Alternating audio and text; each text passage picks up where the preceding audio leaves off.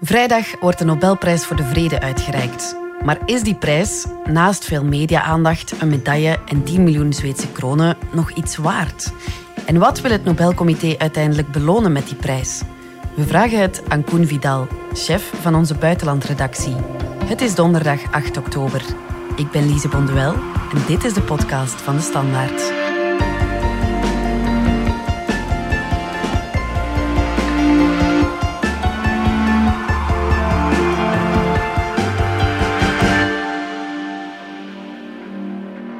The Norwegian Nobel Committee has decided to award the Nobel Peace Prize. Ja, Koen, wat was de oorspronkelijke intentie van die prijs? Ja, de prijs is voor het eerst uitgereikt in 1901, trouwens aan de oprichter van het Rode Kruis, mm Henri Dunant.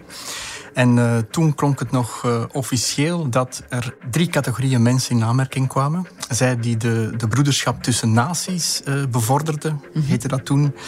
Zij die de aanwezigheid van wapens in de wereld verminderden. En zij die de promotie van de vrede deden beëindigen van oorlogen. Ja. Dat staat in de, de officiële oorspronkelijke definitie. Oké, okay, maar dat is wel geëvolueerd uiteindelijk. Ja, dat heeft een hele evolutie doorgemaakt en dat is ook wel altijd verbonden geweest met ja, de, de, de evoluties in de wereld. Mm -hmm. um, voor de Tweede Wereldoorlog werd die prijs vooral aan pacifisten uitgereikt en mensen die actief waren in de vredesbeweging.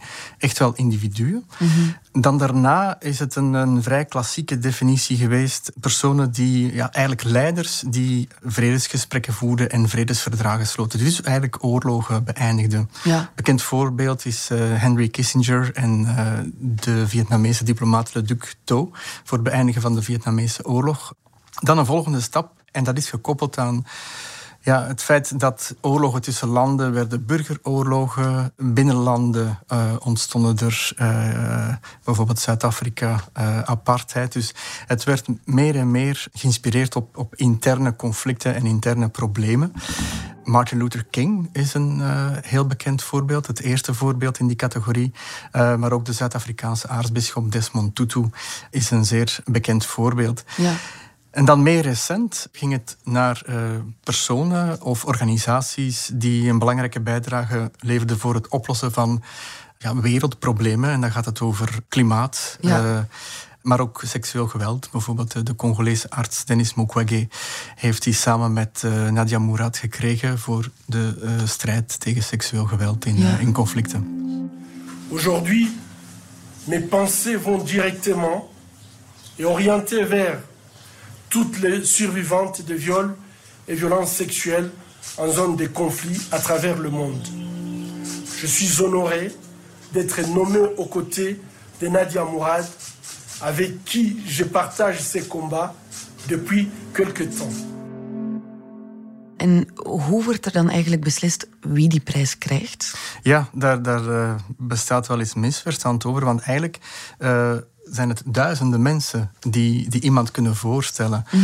Dat gaat van staatsleiders, regeringsleden, parlementsleden, ook vroegere winnaars van de Nobelprijs, maar ook uh, academici. Uh, die kunnen een, een, een, naam voorstellen.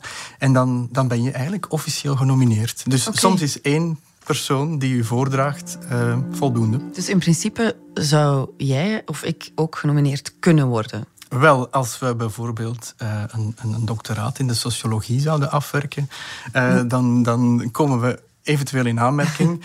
Gewone burgers kunnen dat niet. Ja. Um, maar uh, ja, veel academici kunnen dat bijvoorbeeld wel. Ja, en hoe wordt er dan beslist? Wel, de, de uiteindelijke beslissing is in handen van het Noors Nobelcomité, zo heet dat.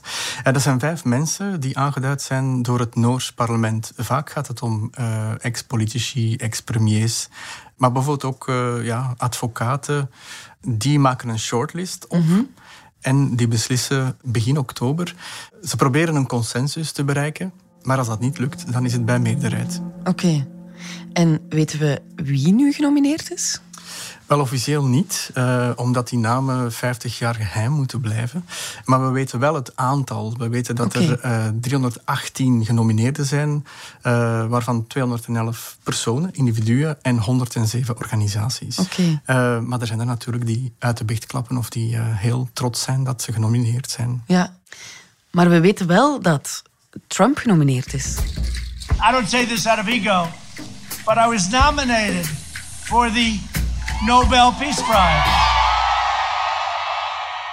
Dat is eigenlijk een heel goed voorbeeld om, om aan te geven dat uh, ja, als duizenden mensen nominaties kunnen voorstellen, dan krijg je daar ook een aantal anomalieën tussen. Mm -hmm. en, en, Trump is een goed voorbeeld. Die was ook in 2019 ook al voor zijn, uh, officieel zijn vredesinspanningen voor Noord-Korea. Remember North Korea? Remember they were going to be at war with North Korea? Where's the war? Where's the war? Where's the war? En we weten ook dat hij voor 2021 is genomineerd. Nu, dat is toch een beetje much do about nothing. En je ziet dat dan ook in heel veel media terugkomen van ah, Trump gaat misschien de Nobelprijs vinden, maar dat is natuurlijk niet zo. In dit geval is hij genomineerd door een, een extreem rechts Noors parlementslid. I nominate uh, President Trump because he uh, made a great achievement by facilitating the peace agreement between Israel and the UAE. Die man wil daar mee eigenlijk zelf uh, in de schijnwerpers komen. Ja. Maar ja, Trump maakt geen kans. Ja, en wat krijgt de winnaar? De winnaar krijgt een medaille, mm -hmm. maar ook iets meer dan een miljoen euro. En natuurlijk ook wel, um, je zou kunnen zeggen, wereldwijde roem, mm -hmm. maar toch vooral ja, een extra platform om zijn uh, of haar ideeën en standpunten naar buiten te brengen.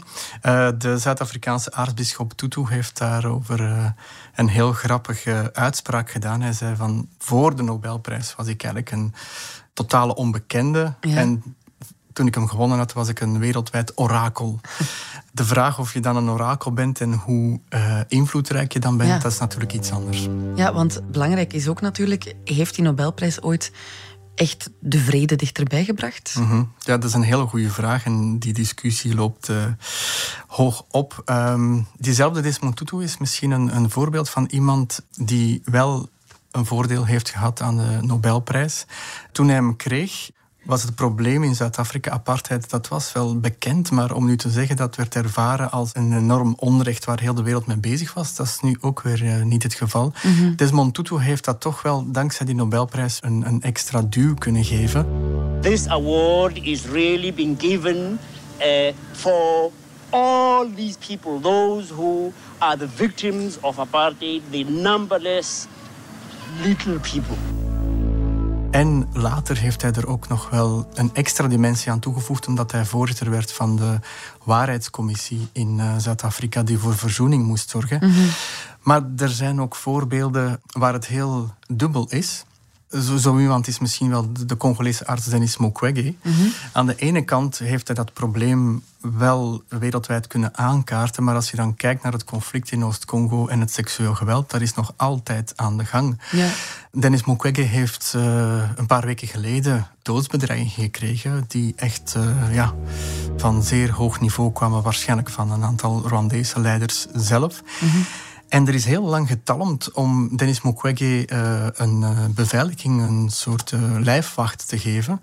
Zelfs de VN, die daar wel zit met, met een aantal duizend militairen, heeft eigenlijk lang getalmd. En op dat moment vraag je toch af van ja, iemand die de Nobelprijs voor de Vrede krijgt, die zijn nek blijft uitsteken Ja. in een zeer gevaarlijk gebied, zou je toch meteen kunnen beschermen. Ja. Maar dat is dan toch niet gebeurd. Ondertussen wel.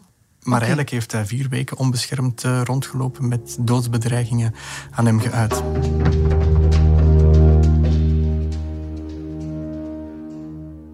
Misschien geeft het voorbeeld van Mukwege dan aan dat het gewicht van die prijs ook maar beperkt is. Dat is zo. En deze vrijdag zal het niet zo lijken, omdat dan werkelijk uh, alle schijnwerpers van de internationale media zijn op die prijs gericht. Iedereen wacht erop en dan wordt die bekendgemaakt en krijgt de winnaar heel veel aandacht. Ja. Maar de dag daarna zijn die schijnwerpers vaak al weg. En dan is het aan die persoon of, of die instelling om die aandacht te houden, maar dat is niet altijd gemakkelijk. En dat heeft ook wel te maken met het feit Ja, je moet kijken wie reikt die prijs uit. Ja. Een wereldbekende instelling aan de ene kant, maar tegelijkertijd, dat zijn vijf Noorse mensen, aangeduid door het Noors parlement. Het is niet meer of niet minder dan dat. Het is geen prijs die door alle wereldleiders of een aantal bekende wereldleiders wordt uitgereikt. Het is het Noors Nobelcomité. Ja, en dat, dat is het. Ja, en anderzijds heeft het Nobelprijscomité ook wel al een paar vergissingen gemaakt in het verleden. Dat zou je wel kunnen zeggen. Ja, ik denk degene die het meest recent wordt vermeld is eh, Aung San Suu Kyi. Ja. Iemand die voor wat betreft de politieke vrijheden in, in, in Myanmar belangrijk is geweest.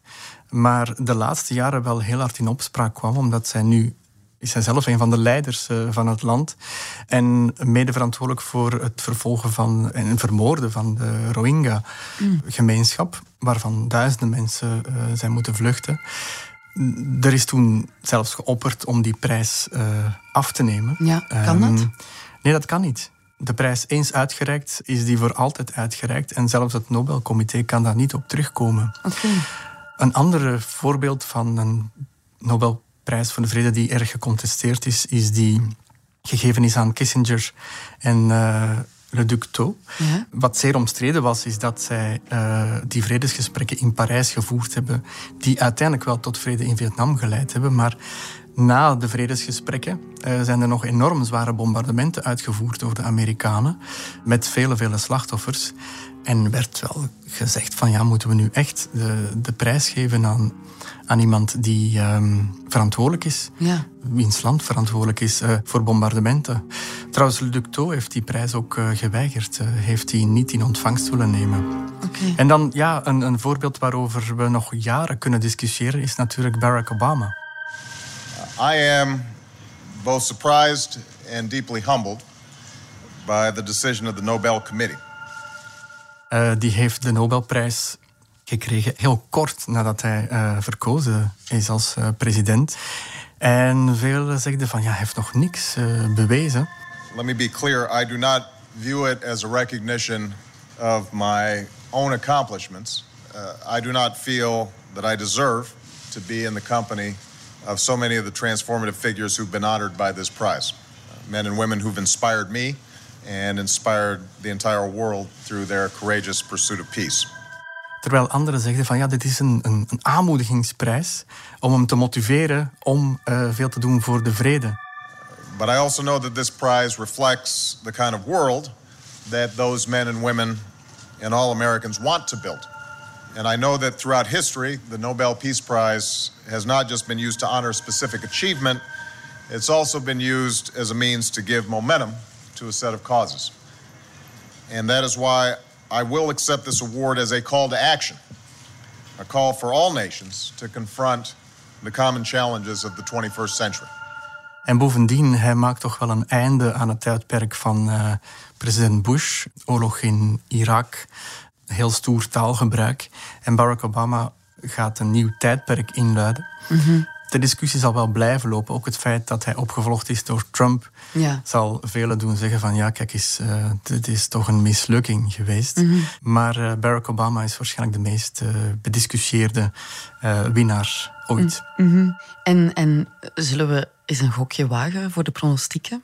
Ik wil wel. Ik wil mijn nek wel uitsteken, eh, ook al is het heel moeilijk.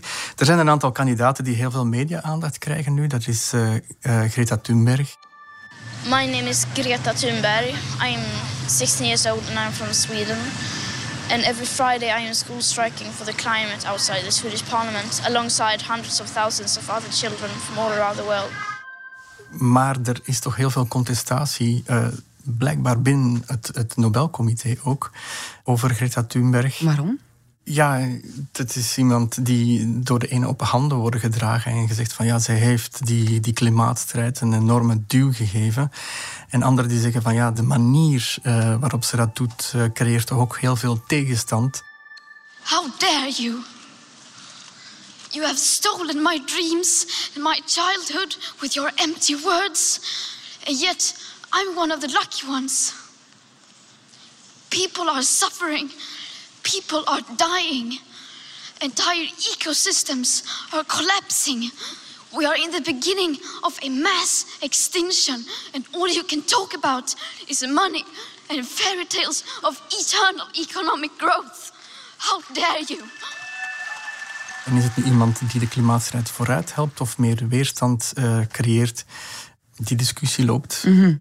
Je hebt ook uh, nog een aantal andere kandidaten, de burgers van Hongkong bijvoorbeeld. Mm -hmm. Hong Kong people will not keep silence under the suppression of President Xi and the chief executive Carrie Lam. Carrie Lam must step down.